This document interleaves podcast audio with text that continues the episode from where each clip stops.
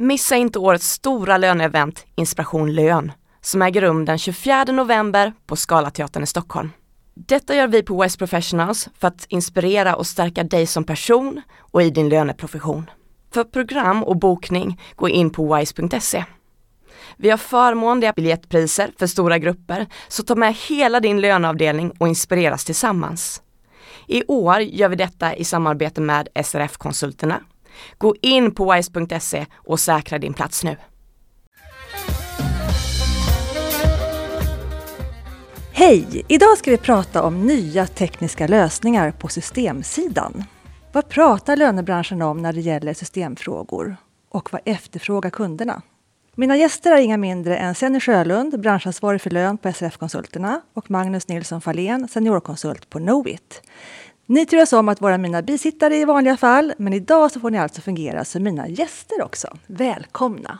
Tack, så mycket! Och mitt namn är Katarina Sand och jag arbetar på rekryteringsbyrån Wise Professionals. Och Lönepodden gör vi i samarbete med just SRF-konsulterna och Knowit. Det vi vill i det här avsnittet är alltså att försöka ge dig som lyssnare en bild av vad som rör sig på systemsidan. Vad jobbar systemleverantörerna med just nu? Och vad kan det vara bra att prioritera när man jobbar på en löneavdelning? Hur ska man tänka som lönespecialist? Och inte minst, vilka förväntningar kan man ha på en lönespecialist i de här frågorna? Magnus, jag vänder mig till dig först nu. Ja. Vad rör sig nu på systemsidan? Vad, vad har du hört där ute? Ja, det är ganska mycket som rör sig Eh, just nu. Det är, ehm, och det är väldigt roligt också för att man har ju pratat väldigt länge om att det ska liksom komma en massa tekniska framsteg inom eh, både liksom lönesystemsidan men även alla andra applikationer som finns i vår liksom närhet i vårt ehm, vad ska man säga, ekosystem. Eh, och det är väldigt roligt att det verkligen börjar hända saker och ting nu. Så att det är en bred palett av saker som, som händer. Men det är som alltid att det tar ett tag innan det verkligen liksom blir verkstad av det hela också. Men man kan ju börja med att säga att det finns väldigt mycket som är kopplat till automatisering av löneprocesser. Och att eh, det finns då stöd för detta i applikationer på, på ett bättre sätt än tidigare. Senni, håller du med? Ja, alltså det, är ju, det är ju så att när tekniken tar nya steg i, i stort så kommer det också lön till gagn i de delarna. Så att det som man ser som trender generellt är det som sen kommer att tratta ner till att vi kommer jobba med inom eh, löneavdelningen också. Det som man inte trodde var möjligt för några år sedan. Mm. Vi är digitaliserade, vi har mm. gått ifrån pärmarna på ett helt annat sätt. Mm. Det kanske var väldigt främmande att vi skulle ha robotar och AI i systemen, mm. eller hur Magnus? Ja, verkligen. Och, så, och den här gamla devisen, som nu är gammal, det som går att digitalisera kommer att digitaliseras oavsett ifall vi vet eller inte. Eller mm. ifall vi vill det eller inte. Den är också jätte, jätteviktig att ha med sig. För att till sist så kommer ändå liksom tekniken att hjälpa oss med de här sakerna. Och då måste man också omfamna tekniken på, på rätt sätt. Och tar man till exempel det här med automatiserade löneprocesser. Att man gör löneberäkningar liksom varje timme, varje natt. Man ser resultatet allt eftersom. Man har liksom som löneadministratör eller lönekontroller en överblick över var man är någonstans i processen. Hur går det? Hur ligger vi till? Vilka har gjort vad? Vad ska vi lägga liksom, krut och kraft liksom, i att utbilda olika individer i organisationen på rätt sätt? Det där hjälper ju oss att bli bättre och effektivare och framförallt kanske också se till att vi har en säkrare löneprocess. Eh, för säkerheten i både utförandet men sen även liksom att vi skyddar vår data som vi också kommer in på alldeles strax. Är ju också aspekter att ha med sig i det hela som då systemvärlden jobbar med just nu. Mm. Och sen också tillmötesgå de behoven som finns. Vi måste ju tänka på vad är vi till för? Jo, vi är till för de som ska få lön eller för företagen. Och det är spännande med interaktiva lönespesar mm. som gör att du hela, precis som du säger Magnus, mm. att även om man har det på löneavdelningen så kan ju också mm. den anställda få ta del av vad som mm. händer och man ser effekten av att man mm. gör någonting. Ja, den växer fram liksom. Precis Precis, och det är, det är också en spännande utveckling när man ser och det, är ju, det, det, skulle ju vara härligt om man verkligen såg lönespecen som en, en, ett levande dokument på det sättet. Och sen är det ju en pedagogisk uppgift istället att förklara hur det här funkar. För att ja. det kan ju bli förändringar åt båda hållen. Jo, precis. Det, det är ungefär som när vi började se att vissa bolag la till liksom sociala avgifter mm. på lönespecen. Och helt plötsligt så börjar ju folk undra varför får jag så lite lön för? Mm. Men det var ju liksom rent pedagogiskt så var det ju ett fint försök av, av företagen att verkligen försöka förklara. Det är det här som som faktiskt vi betalar för dig. Mm. Medan medarbetaren såg ju, jag får alldeles för lite i lön. Så det, är, det, är, det är en pedagogisk uppgift. Jag tror, också. jag tror det är det som är liksom en stor utmaning för när man sitter på löneavdelningen. Att man ska förstå den. Att det, är Mm. liksom, det tar ett tag innan jag förstår. Och sen ska den som vi vanligtvis får förklara för ska också förstå teknikens möjligheter. Vi har ju gått igenom hela det här paradigmskiftet med att vi faktiskt har mycket self-service. Som också var en sån här sak som man inte trodde skulle vara möjlig förut. Nu har vi ju mer så att man är tillförlitlig till appar och rapportering på det sättet.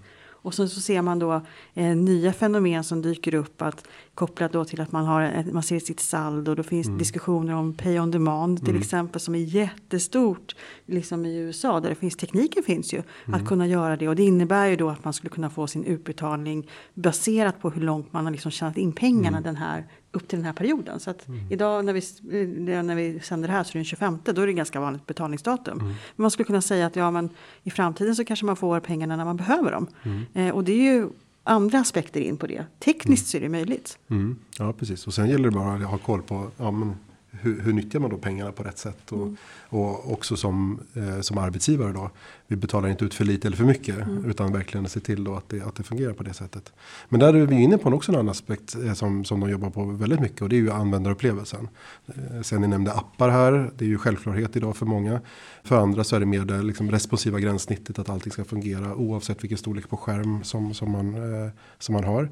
Eh, men färg, form, storlek. Typsnitt. Vi har eh, sådana saker som eh, enkelhet, eh, intuitivitet i att det ska fungera på ett bättre sätt. Allt det där ser man ju att de som jobbar mer med det och som också nu läggs väldigt mycket tid och kraft på. De når ju bättre resultat i både liksom vad kunderna upplever och också naturligtvis vilka som väljer vilka system. Det är ju ganska tydligt på den saken. Har man inte uppdaterade system vad gäller färg och form och användargränssnitt. Ja, men då, då ser det ju gammalt ut. Det ser ju förlegat ut. Ska vi verkligen som eh, funktion, vågar vi verkligen liksom stoppa det här framför våra medarbetare, våra kollegors ansikten och säga så här, nu ska du jobba så här med tidrapportering eller hantera dina ärenden på det här sättet. Nej, det kommer inte funka. Eller hur? Men upplever ni liksom att, att kunderna ligger långt fram i sin liksom beställarkompetens när det gäller de här tekniska lösningarna? Eller liksom, är det systemleverantörerna som driver på utvecklingen? Eller vem är det som driver på den ytterst? Det kanske är för få som driver på den skulle jag säga. Eh, På Ja. ett sätt eh, i den hanteringen. Jag tror att det kommer från, från båda håll. Lön kanske skulle kunna se möjligheter som man inte tar tillvara på. Så man skulle kunna bli bättre kravställare. Systemleverantörerna försöker ju och ofta tar man ju erfarenhet från andra eh, verksamheter och annat. Sen finns det ju lite olika beroende på vad man har för, vad man har för historik som systemleverantör. Vilka möjligheter man har att applicera ny teknik. Alltså har du en gammal maskinpark om man får säga så. Då är det ju en större insats att göra de här förändringarna. Men det kommer ju ganska mycket uppstickare med nya, nya tekniker som kanske baserar sin, sin utveckling på en helt annan teknik. Och det gör ju en annan möjlighet, så det är lite beroende på. Men jag tror att vi skulle kunna göra mycket mer också. Jag tänker precis som du säger Magnus, utifrån användarupplevelsen. För det gäller ju även de som jobbar med lön. Att man, man ska ju, även om det är slutanvändare som ska ha en, en maffig upplevelse med mm. Schyssta gräns, gränssnitt och färger och sådär. Så vi måste ju också få in att man tycker att det är roligt att jobba i systemen. Absolut. Men det här att många byter ju faktiskt lönesystem. Eh, vad beror det på tror ni? Är det för att man vill liksom ha ett bättre system som ligger bättre, längre fram i, fram, i framkant? Eller vad, varför byter man lönesystem egentligen? Ja, men det är nog huvudsakligen två saker. Det ena är ju att vi har haft en period under, eh, under flera år här där flera liksom, äldre applikationer har gått i graven och det har helt enkelt framtvingat en förflyttning, ett, ett byte. Oavsett ifall man som kund vill eller inte vill så, så är man liksom intvingad att göra det på, på det sättet. Och sen så har vi den kategorin kunder som också då säger att men jag vill ha någonting annat för i min värld nu så passar någonting annat bättre än det som jag har. Och kanske också att man får liksom lite mer attention från någon annan än från sin befintliga systemleverantör.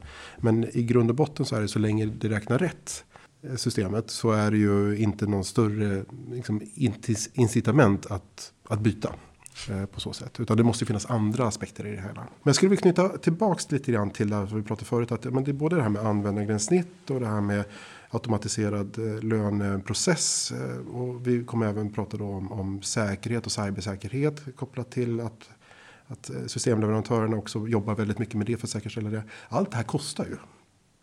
Och, och det är väl en, en, en, en liten svängning på marknaden just nu. Att tidigare så har man kanske inte haft så mycket utrymme till att göra den här typen av, av insatser i systemvärlden. Men nu ser man verkligen att det finns ett behov och kanske också en vilja från många parter att vara med och delfinansiera den här typen av utveckling. För det är ju så att det vi frågar efter, eh, då får vi också svar därefter. Och begär vi mycket så kommer vi också få mycket, men då måste vi också betala mycket. Frågar vi efter lite, eller rättare sagt vi kräver mycket men vi är villiga att betala lite. Ja, men då blir det ju faktiskt så att det är svårt att få ihop det. Och det där tror jag är ett, verkligen ett paradigmskifte. Att vi måste också inse att det kanske är så att vi behöver också betala för vad, faktiskt vad vi förväntar oss att vi ska få för någonting. I form av tekniksprång, utveckling och ny funktionalitet. Mm. I kombination med att vi har väldigt mycket lagförändringar och annat som ska ta hänsyn ja. till i den här hanteringen. Så mm. det är också en prioritering från systemleverantörerna. Och där Absolut. menar jag med att det, när jag sa att det var för få som kanske säger om man, om man är tydlig med vad man önskar och man vill se andras erfarenheter och få del av hur man skulle kunna göra saker och ting. För det är kanske inte alltid är så lätt att förstå. Mm. Alltså sitter man som lönesystemleverantör så har du en sak. Men när du sitter på löneavdelningen och har insikt i vilka möjligheter som finns. Mm. Det är inte så mm. enkelt. Utan här är ju erfarenhetsutbyte. Mm. Att man är med i olika nätverk till exempel. För att höra vad, vad gör ni där, vad gör ni här. Och då kan man ju mm. bli den här kravställaren också. Mm. Att få Ja, men det här funkar ju hos andra, mm. då borde det funka hos oss. Men hur ser det ut med eh, kompetensen då hos systemleverantörerna? För systemkompetens är ju också en bristvara, eller hur? Ja, det är det. Och jag skulle nog vilja påstå att hela, hela liksom ekosystemet av både hos våra, eh, alla organisationer, alla kunder som, som egentligen vill ha mer kompetens eh, och fler kollegor. Vi har systemleverantörerna som också vill ha fler kollegor och mer kompetens. Och liksom hela systemet som sådant är på något sätt att det har hänt någonting som gör att vi behöver fylla på mycket mer. Så just nu under ett antal år tillbaka så har antalet personer som har lämnat systemet varit fler än de som har kommit in i systemet. Vilket gör, om systemet också då samtidigt växer så får vi liksom en dubbeleffekt där att kompetensen faktiskt inte finns i den grad och utsträckning som vi faktiskt behöver. Mm, och vill utvecklas. Liksom. Ja. Den takten vi vill utvecklas i kan vi inte utvecklas i helt enkelt. Nej, precis. Nej. Så det, det, blir ju en, en, begränsning helt enkelt. Ja, och man måste också börja prioritera då som, ja, både precis. som systemleverantör ja. men också som mm. kund. Man kan inte få allt man önskar. Nej, precis. Mm. Och ju mer komplexa system desto mer beroende av att du har en brygga mellan själva systemet och eh, den som ska använda det. Du behöver se mm. till att du har konsulter som kanske hjälper till med implementationerna. Och mm. där är det också svårt ibland att få till. Så där tror jag att, att utvecklingen i lönebranschen mm. mot att vi kanske har mer flytande löneprocesser, att mm. vi inte har lika tydliga årsavslut gör att det är lättare att få den kompetensen till sig så man kan få stöttning mm. i att man byter mm. system till mm. exempel. För förut var det ju väldigt så här bundet till att du vill ha årsbundet på ett annat sätt. Mm. Och det där går vi lite ifrån. Även om man oftast gärna vill ha det liksom ett årsskifte på det ändå. Så är det ändå så att det öppnar ju upp på ett annat sätt. Och tekniken att behålla informationen och att hantera information om man nu ska göra det på korrekt sätt också. Men, men det, är ändå, det öppnar upp med tekniken att göra det på ett annat sätt. Och kan vi liksom Istället för att skapa eh, pikar med, när vi har behov så behöver vi liksom mm. släta ut dem lite grann så att vi kan nyttja mm. kompetensen på olika sätt i olika mm. sammanhang. Mm.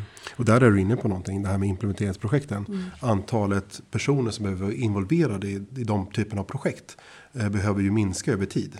Vi behöver alltså korta ner den perioden för att alla som byter system kan inte hålla på så länge som de håller på. Både på kundsidan och hos implementatörerna. Nu pratar vi ett halvår, ett år, ja, ibland år, flera år. Ja, ja, ibland så är det längre än ett år. Eh, beroende alltså. på organisation, för det är också beroende på system ja, förstås. Absolut, så, så, ju större komplex organisation, ju större riktigt. system. Ja. Sen finns det ju de som kan byta system från månad till månad, månad om man har liksom smått. Absolut. Eh, i, så, den, så i jämförelse. Ja, att, men det är väl som du säger, att det, blir, det har en tendens till att det växer. Och så, ja. så vill man, har man liksom inget slut på projekten. Nej. Utan det bara växer på och växer på. Till slut så är det ju nästan som att du igen har... Och det är det som vi också ser att vi har pratat med flera som har nämnt att men, om vi kan nyttja liksom robotisering, machine learning och AI i implementeringsprojektet så kan vi också då korta tiden på det sättet. För att få det både med mer kontroll bättre kvalitet och minskat manuellt arbete i det hela som gör att vi då kan korta ledtiderna och, på det sättet. Och då får vi bättre förutsättningar för att man, att man inte är om man får säga så fast med samma system mm. för då gör det ju lättare att byta systemen på ett annat fall, sätt. Ja. Mm. För annars är det också så att man är ju ganska det är en så stor process för större företag att byta lönesystem så man, man dras ju därför för att, mm. att testa någonting nytt och ibland är det det som man mm. har som är bäst och det är kanske det som ska utvecklas. Men man mm. har inte riktigt tid att i någonstans analysera och göra någon typ av konsekvensanalys för vi jobbar ju med lön ofta så 25, 25, 25 och då måste man kanske ha stöd utifrån av andra med erfarenhet. Mm. Och då försöker vi, för mm. vi försöker, försöka dra mm. ut den kompetensen mm. på flera. Mm. I och med att det är ja, kompetensbrist. Absolut. Och en annan aspekt på det här med varför då vissa liksom implementeringsprojekt tar längre tid. Det är också det att det är ju mer och mer integrationer som är eh, involverade i, i vår värld idag än tidigare. Det ska integreras till höger och vänster. Det är mer datadrivet. Vilket gör att andra kringliggande system förväntar sig att få data på ett helt annat sätt. Um, andra funktioner hos alla kunders organisationer kommer liksom kräva att så här ska det se ut. Så här vill vi ha det. Vi vill kunna ha överblick. Vi vill ha data. Vi vill kunna se saker och ting. Och det ställer ju helt andra krav också på just den här integrationsförmågan. Och integrationer är ju också en sån här aspekt som tar tid är att få på plats. Vilket då om man kan nyttja tekniken på ett bättre sätt med till exempel att, att färdigställda API-er, eh, eventbaserade sökningar som gör att vi kan liksom hitta data på ett helt annat sätt. Eh, få också en struktur i hur man också hittar eventuella fel som, som kommer i den här systemkartan med alla integrationer. Då hjälper det oss också i att, eh, att bli en bättre lönefunktion. Att kunna servera data och information på ett bättre sätt. Och det är också någonting som man, som man jobbar med eh, i, hos flera systemleverantörer idag. Och visst har vi också byggt in en väldig sårbarhet nu i våra ja, system. Absolut. Med tanke på alla med cyberattackerna. Mm. Ja. Och det är en sån superaktuell fråga nu. Vad ska man, kan ni säga någonting om hur man ska tänka ändå? För att när vi, hade, vi pratade med Kalix kommun här nu så sa ju de att ett, man ska tänka på att skriva ut det viktiga, de viktigaste kontaktpersonerna ska vara på ett fysiskt papper med telefonnummer. Så att vi går lite tillbaka, inte tillbaka helt, men vi, helt papperslösa kan vi inte vara. Nej, och det är också tillbaka till dialog med systemleverantören. Vad har de för beredskap? Alltså det är ju så att man måste ju se över vad man har för krisplan oavsett i de delarna. Och, och så jag, men jag tänker ändå så här, lön är ju ett sånt område där man har ganska hög medvetenhet kring risk på ett sätt. För vi har jobbat med GDPR, mm, mm. vi har mm. jobbat med alltså det här med att man inte vill att information ska komma ut. Olika verksamheter har olika förutsättningar. Det finns ju liksom säkerhet med att man har molntjänster. Men har man molntjänster så kanske det finns vissa verksamheter som inte kan eller får ha det. Eh, det är ju mycket som mm. pågår liksom i den hanteringen. Just kring att vi det är det som slår tillbaka. Tekniken utvecklar och möjliggör men vi måste också tänka på integritet och, och säkerhet. Så det är liksom två sidor på samma mynt på något sätt i den mm. hanteringen. Men det gäller ju att vara, att vara noggrann med behörigheter och, och de delarna. Och sen också inte förvänta sig att man ska kunna allt det här själv. För att det är mm. ändå så att någonstans så är det någon som har bättre IT-kunskaper än vad du har själv vanligtvis. Det här med att jobba tillsammans är ju jätteviktigt i de här delarna. Och där, alltså systemleverantörerna de jobbar ju väldigt mycket med det här med, med redundans och säkerställa liksom att det finns kopior på allting och backupcenter och, och, och hela den delen. Och um, säkerställer också naturligtvis att det, det här med att hantera intrångsförsök och alla den, de bitarna. Men här gäller det också att ta ett steg tillbaka som kanske inte är så mycket teknikorienterat utan verkligen säkerställa också vad vi som, som organisation, som egen organisation för, för skalskydd och för säkerhetsaspekter på vår egen verksamhet. Det kan ju vara så att lönesystemen och andra applikationer är liksom helt i sin ordning. Men att vi själva inte har åtkomst till vår egen miljö. Vilket gör att vi inte kan nyttja någonting. Så det är ju en, det är en tudelad sak. Och det är, det är ingen, det är ingen som specifik lönebranschfråga på så sätt. Utan det är ju mer liksom att ja, men har vi koll på vår egen, vår, vår egen säkerhet. Så att säga. Men responsen efter vårt eh, avsnitt med Kalix kommun har ju varit enorm. Så att, eh, det känns som att vi har, vi har rört upp den här, alltså det har, vi har mm. satt den här frågan på agendan på, ute hos löneavdelningarna. Det, mm. det är ju jättekul, kan det mm. göra skillnad, eller hur? Mm. Eh, Okej, okay. eh, sen du har ju kontakter med eh, GPA, Global Payroll Association i London. Eh, tänkte, tänkte höra lite med dig vad du ser globalt för liksom, utveckling på systemsidan. Det är ju det som Magnus också varit inne på. Man, man möjliggör ju andra typer av flöden, processer, ser till att man har Eh, man tar till sig, när vi pratar om de här stora, stora liksom, organisationerna så har ju de andra resurser för att kunna utvecklas. Så är det ju. Det, det är den. Och det blir ju gärna så att de stora går kanske i bräschen eller de små som har lite kortare beslutsdelar. Liksom mellanskiktet i system har ju lite mer kanske att ha förvaltning kring och kanske inte har sam, riktigt samma möjligheter alltid. Eh, men jag tycker det är väldigt häftigt att se hur man, hur man då börjar använda sig av AI på olika sätt. Man använder sig av att möjliggöra flöden ut i automatisering. Jag brukar ta exemplet med eh, ett indiskt företag som har de har, eh, under pandemin så hade de en avläsning på pannan på en person som kom till porten och så tänkte man så här, den här personen har feber. Eh, då liksom sätter sig automatiseringen igång som gör att alla de sakerna som man vanligtvis behöver göra på eh, när någon blir sjuk, det vill säga att man ska påtala för chefen, man ska gå in i systemen. Alltså det, då är det ju kopplat, precis som Magnus säger, till så många olika delar på den här paletten kopplat till inte bara lön. Men det har man liksom teknikmöjliggjort då så att det går per automatik. Det är ju sådana här mm. otroliga delar. Men ser vi också att man jobbar mycket med API. Mm. Mm. Att det är liksom API-styrt, det är det som blir, det är det som förutsättningen på något sätt. att Ska man, ska man som, system, som systemleverantör utveckla, då vill man gärna göra det i API. Men då gäller det också att vi har, håller lite koll på dem så att det inte utvecklas en flora som sen ska förvaltas, för då blir det dyrt igen mm, mm. i den här hanteringen. Man kan inte uppfinna hjulet överallt, utan vi ska gärna använda samma hjul så gott det går mm. i de hanteringarna. Oavsett om det är liksom på global nivå eller på eh, nationell nivå. Och den globala nivån kan ju vara ganska svår att påverka. Men, men det är spännande saker som pågår just kring det här att man, man möjliggör med eh, tekniken att, som du var inne på, processer, flöden, mm. hantera det på liksom ett annat sätt i den delen. Eller att man använder sig av eh, mycket mer att liksom du kan tänka på vad användarna har för behov. Där vi pratar om att liksom omnipresence, du kan liksom, ställa en fråga och du får svar på hur många semesterdagar jag har. Kopplat mycket till supporten mm. som är liksom kring systemen. Mm. Det som vi gör nu, man ser att utvecklas chatbots mm. på olika ställen. Och det är ju ett första liksom steg. Mm. Men mm. om det då kopplas på att du också kan hämta individuella värden. Och jag kan sitta i en, i en taxi och fråga min klocka, hur många semesterdagar har jag? Det, är liksom, det kändes ju som en utopi för ett tag sedan. Men det är liksom börjar komma här. Det är häftigt. Och det är så viktigt att det här att man stöttar och bejakar utvecklingen på så sätt. För annars så kommer det liksom stanna upp. Därför att allt det här är ju volymbaserat. För att om vi inte har volymerna så kommer inte någon finna att det finns ett business case där. Det finns liksom ingen idé att utveckla det. Det liksom lönar sig inte att göra det. Och, och, den första personen som naturligtvis får den här äh, febertermometern i, termometern i, i pannan. Det är klart, det är, det är ju en minusaffär för, för, för vem som ens utvecklar det. Men när det är liksom hundratusen som gör det. Ja men då, det är då vi får ekonomi i det hela. Och det är det som ändå till slut är äh, drivkraften i det hela. Att hitta någonting som fungerar lite bättre och lite effektivare. Så att man också stöttar liksom i den processen. Och det är därför som vi är tillbaka till de här prioriteringarna som vi pratade om tidigare. Att, ja, vi har pratat många olika områden här idag. Och alla är ju prioriterade. Men inom de här områdena och även andra områden. Så finns det ju en, en prioritering inom området också så att säga. Vad man ska göra. Och det, det kommer ta lite tid att få de på sakerna på plats också. Men det är viktigt också att stötta den prioriteringen i form av att man, man, hela branschen kommer vara med och finansiera det hela. Mm. Och sen tänker jag också att man kan tänka lite utanför boxen även där. I det här att okej, okay, vi har eh, på företaget har vi en IT-budget. Det kan vara svårt att få fram lön i den enkom. Men mm. om man kan slå sig samman med andra enheter som också har behov som kan vara snarlika, går på samma mm. flöden i samma, mm. alltså, samma ärendetyp så kan man ju återanvända det på olika mm. sätt i, i, den hanteringen. Alltså det, mm. Oftast är det ju någonting som ska följa en process och kan man då få till en, man kan återanvända de små tekniska framsteg man gör i olika delprocesser. Så kan man ju tillsammans liksom investera i den här teknikutvecklingen.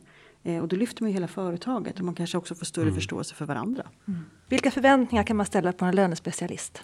Alltså du kan inte ställa jättehöga förväntningar på att man ska kunna vara helt på alla nyheter. Men det är klart att om man lyssnar runt, man, är, man lyssnar på Lönepodden, man kan vara hos Magnus och hans kollegor som driver det här väldigt mycket utifrån ett större perspektiv så kan man få erfarenhet mm. och se liksom, vad gör andra i de delarna. Det, det handlar ju mycket om det att det är inte så lätt att förstå vilka möjligheter som finns om inte någon öppnar ögonen så, mm. i den hanteringen. Så jag tror att det här med att, att från ett lönespecialistperspektiv eh, eller lönekonsult så är det så att, att man får vara nyfiken och man kan också eh, liksom dra erfarenhet av andra men man kan inte förvänta sig att man kanske driver det här helt själv och har helt koll på allting. Mm. Men att vara uppdaterad på vad systemleverantörerna mm. har, kunna värdera och se, det är inte helt fel att titta på vad gör andra systemleverantörer. Många är ju generösa. Mm. Alltså webbinar går gratis, du kan mm. se nya funktioner. Du kan se, om du ser det i någon som gör något på något sätt kan du inte mm. då säga kan inte vi göra likadant mm. fast vi har lite andra förutsättningar. Mm. Jag tror att där får man liksom använda sånt mindset. Mm. Och Katarina du ställde ju frågan här eh, inledningsvis. Är vi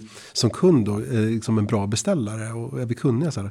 Och där skulle jag vilja påstå att det, det eh, överlag så det kanske är generaliserande men det finns exempel där vi har kunder som som har varit alldeles för lite i kontakt med sina leverantörer oavsett ifall det är lönesystemleverantörer eller andra leverantörer och inte liksom tar ägandeskap i den frågan. Och, och, för att verkligen säkerställa att man är up to date med det som leverantörerna har. För det finns massa information och kunskaper där om nyheter och andra saker som inte riktigt sipprar ut till kunderna. Vilket gör att man tror att ingenting händer. Men det händer jättemycket. Men man, man är liksom okunnig om det. Man är omedveten om det. Och därför måste man också ta ansvar för att liksom i sin egen förvaltning verkligen säkerställa att ja, men jag har fullständig koll förlåt, inte fullständig koll, men så bra koll som jag nu kan förväntas ha på det här. Och prata med, med leverantörerna. Och det kanske man kan ställa krav på att ja, vi vill ha en bättre dialog än vad vi haft tidigare. Och det tänker jag, om jag går tillbaka till den tiden när jag satt i den rollen med att jobba lite mer med utveckling så kan jag dra mig till minnes just det här att man tycker att man har kommit på jättebra smidiga lösningar men man har inte förstått att ta till sig den förrän man liksom visar det riktigt hands-on. Och då, mm. om det finns må många sådana saker så är det mm. kanske så att systemleverantörerna måste välja att visa vissa delar för du har inte så mycket kontaktyta med din kund jämt. och då tänker man mm. sen, nej men nu kommer ett nytt, nu kommer ny information från min systemleverantör, jag mm. orkar inte nu och så lägger man det åt sidan. Mm. För att vi är lite i ekorrhjulet när man jobbar med lön. Mm. 25, 25, 25, 25. Vilket speglar i att vi inte hinner tillbaka, reflektera sig över vad vi har för möjligheter. Och kanske också den här frågan som jag tycker är väldigt viktig, varför? Alltså, varför gör vi på det här sättet? Men varför ska vi byta? Ska vi byta? Finns det mm. liksom mm. att man att vara lite ifrågasättande, det kan man också vara som lönekonsult eller lönespecialist. Mm. Den, upp, det uppdraget kan man ha.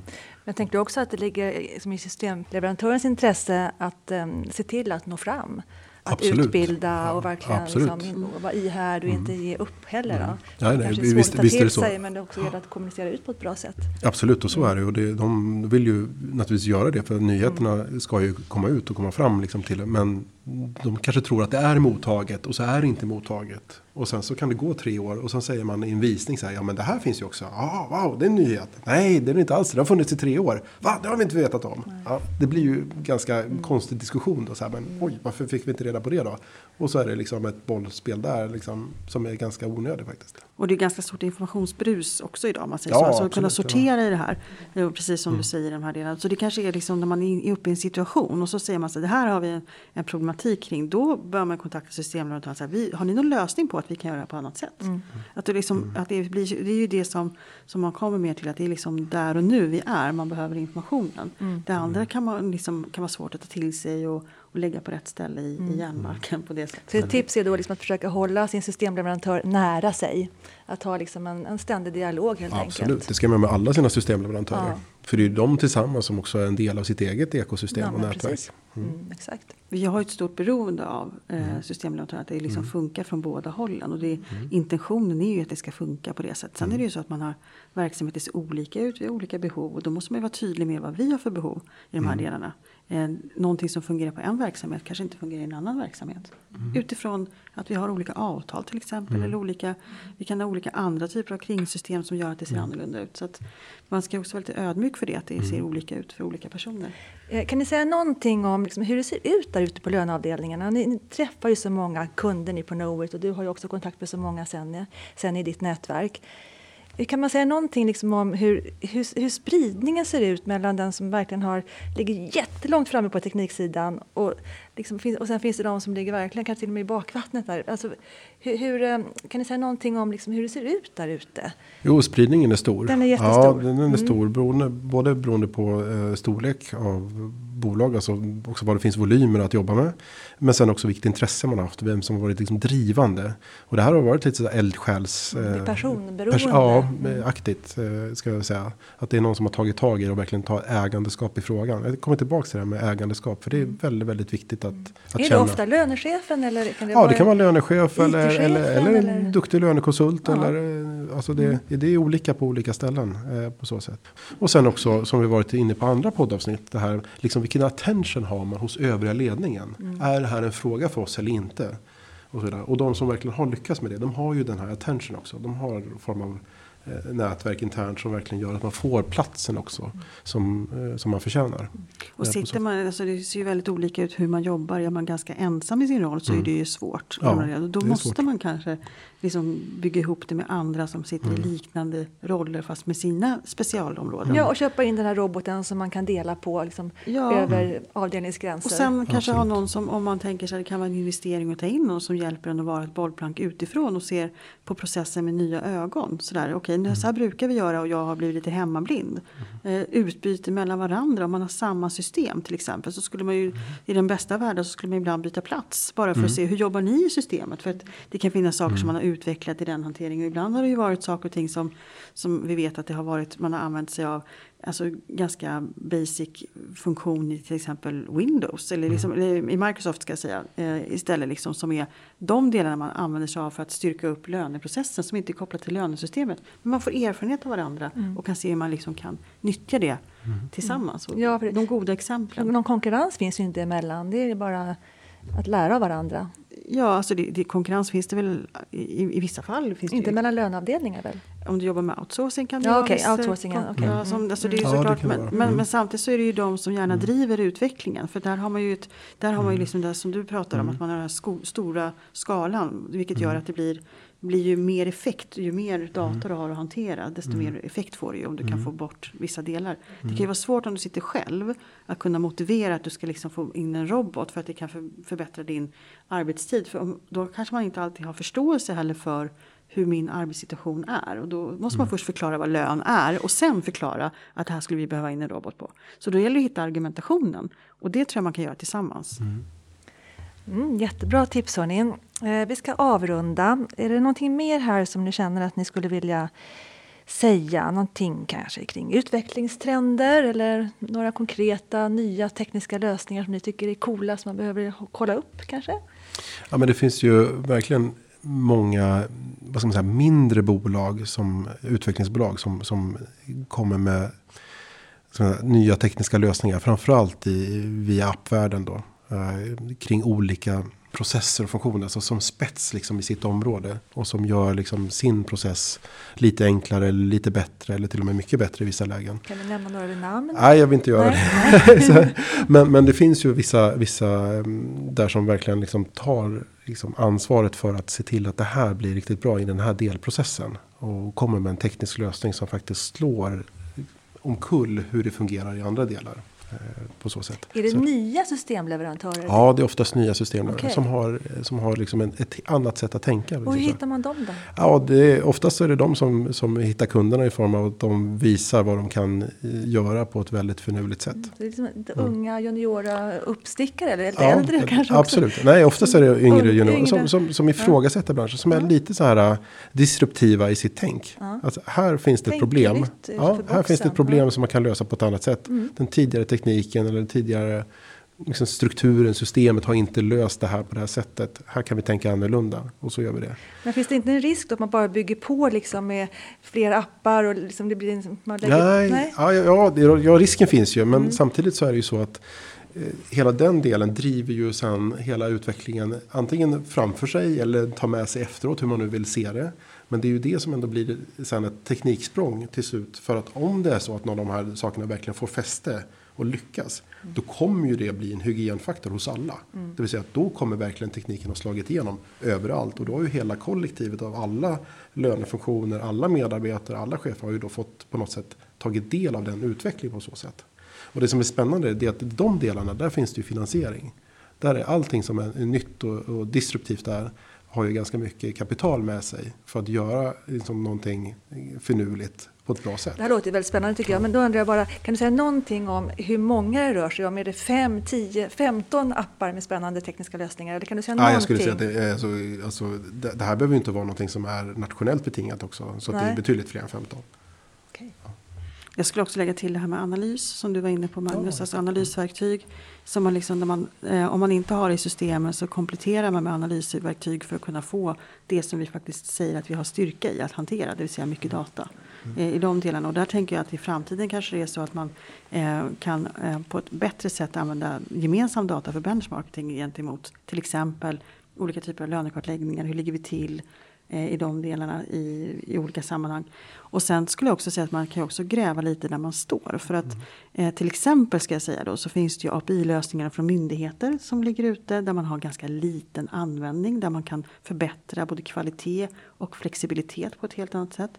Till exempel finns det ju API för arbetsgivardeklaration med individuppgifter. Det är bara 14 procent som använder de API-erna. i den delen. Alltså det är ju en väldigt mm. liten del. Och det kanske är att man inte förstår vinsten med det. Men det finns ju möjlighet till återrapportering där till exempel via de API-erna. Mm. Eh, och där är ju systemleverantörerna så att de kanske vet om det men de väntar på att någon frågar efter för att man ska utveckla det. Så att det är liksom, om det inte blir en efterfrågan då utvecklas det inte. En annan sak i API som kom kring FOS.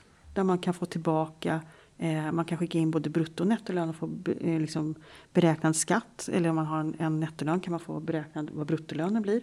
Det finns ju redan på marknaden att hantera i de delarna. Och nu utvecklas det också API för eh, beräkning av, av tjänstebilar, alltså bilförmåner. Så det, det mm. kommer ju sådana delar också. Och där är det ju viktigt att veta för att alltså till exempel Skatteverket, de är ju ute med hoven. Vad kan de göra för att förbättra i processerna? Hur kan vi tydliggöra, göra det enklare?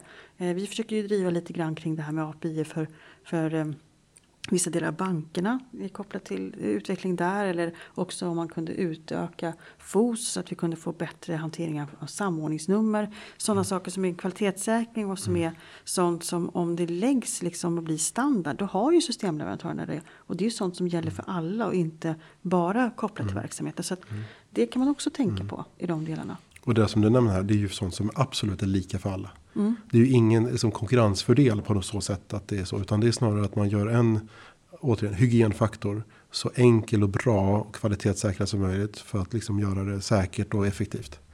Och då, då, så det, för det är inte någon som ska vinna på det, på det sättet. Utan tillsammans så blir vi bara starkare.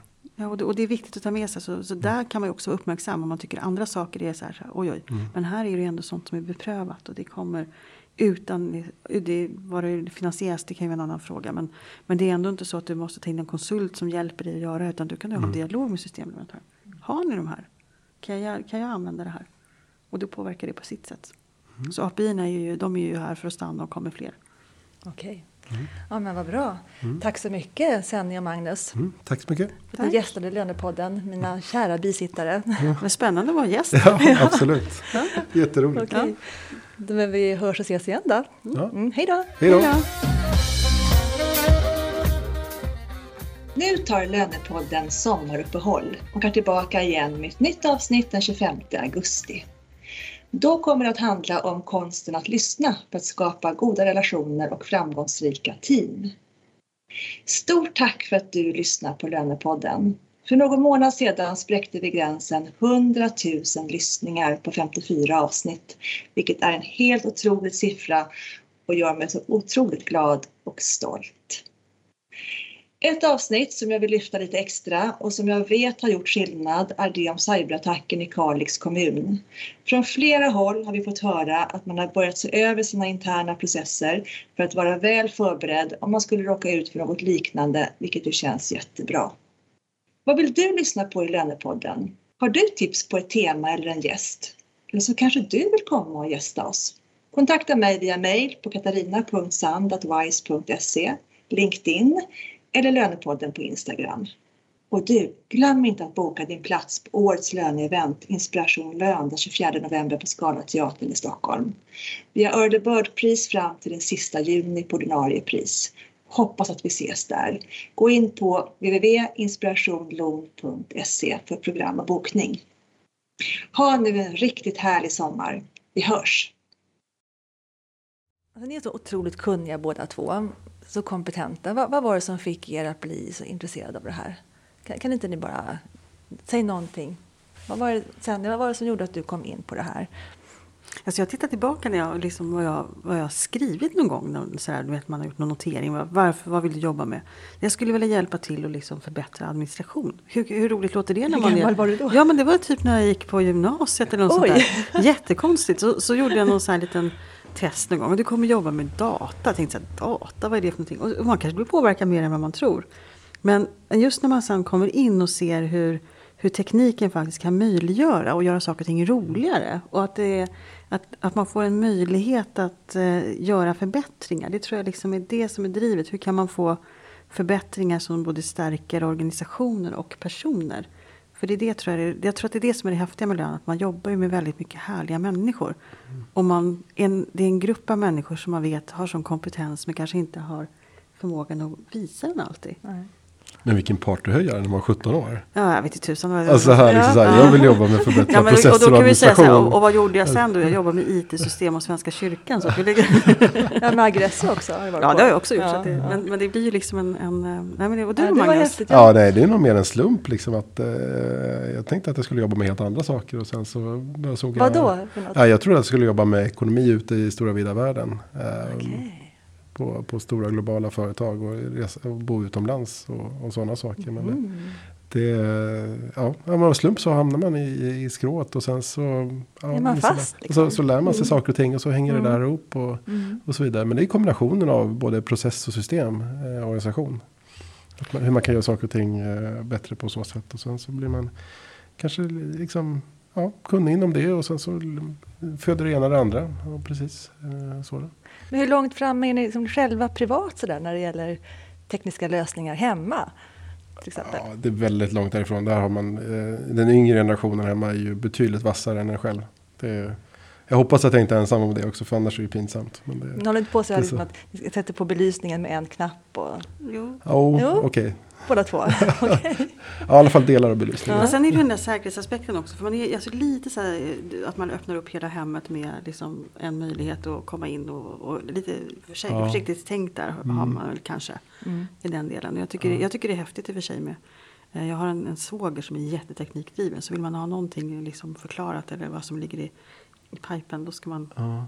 Jag kommer ihåg att han, han hade han hade liksom, de hade olika färger på lamporna när de skulle gå och äta lunch. Eller när det var middag och så här. Det är ju jättehäftigt. Jaha, så, som en signal då? Ja, nu- precis. är Istället nu är för det som jag står och gör så här. Hallå, det är middag. Ja, ja. Så, så kom den liksom en färg. Jaha, vi skickar ju sms då. Ja. Nu- är middagen klar. Mm, ja, Nu, nu har ni fem minuter på er. jag tycker ju om att skrika på folk. Så att det, Jaha, det är så. Det, vad det, är så det är. Ja, precis. Mm. Ja, men jag är absolut sist ut. Eh, bland, är det någon som har några tekniska grejer hemma så titta där och så tar det några år och sen så när det, när det är prisvärt sen. Då köper Då jag. köpte du. jag kastar mig på, det som jag tycker är roligt det är applikationer. Jag tycker det är jätteroligt. Mm. Det, det, det kastar jag mig på. Om det är någon så här ny typ av möjlighet att göra någon eh, liksom, film eller så. Det tycker jag är jätteroligt. Mm. Det gör jag ganska mycket. Eh, Men det har väl att göra med att man har lite så här systemdriv och teknikdriv Mm. då. Jag har fastnat nu för den här Duolingo-appen. Eh, Jag håller på att lära mig spanska. Mm. Och jag sitter alltså i timmar. Det är helt Och fantastiskt. nöter spanska. Ja, Ja. och jag, från att inte kunna någonting så börjar jag liksom kunna göra korta konversationer i alla fall. Då. Ja, ja. Och det, man, får liksom, man får lyssna, man får prata själv, man får skriva Mm. och man får gissa ibland också. Men, men alltså får man poäng och perfect, amazing och det är väldigt Mm. peppande. Och så här, så att, Men det är gamification at its best. Ja, liksom. Det är verkligen, så så att eh, man- Eller så kan det, kan gå lite snett också. När jag, Mm. jag installerade den för jag har eh, velat lära mig ryska. Så då drog jag ner den på ryska. Och då ställde hela min liksom, inställning på iPhonen ställde om till kyrilliska bokstäver. Så sen, sen efter ett tag så var det så här, ja nu ska jag eh, ha ett Teams-möte med Global Payroll. Och då skulle jag in via telefonen, för ni vet ibland så på kvällarna och så sitter man med telefonen på ett sånt där möte. Och jag kunde inte komma in för jag visste ju inte, jag kunde inte känna igen bokstäverna. så, så det kan gå väldigt fel också. Så jag fick lov att... Liksom- låg Ryssland bakom det på något Nej, sätt, ja, tänker det, jag. var- det här var några år liksom. sedan. Så att, men Ja. då kan man tänka sig men det var ju bara att avinstallera appen. Men det var ju inte det. Det var det som var problemet. För det var det första jag gjorde. Tänkte nu måste jag ställa om. Så. Aha, Men jag har Men, inte allt eh, på spanska i min telefon. Så att, eh, Nej, men, men du har, det kanske är samma bokstäver i alla fall. Så skulle det liksom slå om så är det lättare att hitta. De kyrilliska, Ja. de är inte lika lättlästa så kan man säga. Nej, men du kanske kommer märka sen att det blir på spanska alltihopa. mm. Nästa, nästa, nu har ju hon öppnat upp för det. Att nästa lönepodden den är på spanska. Adios säger jag. Ja.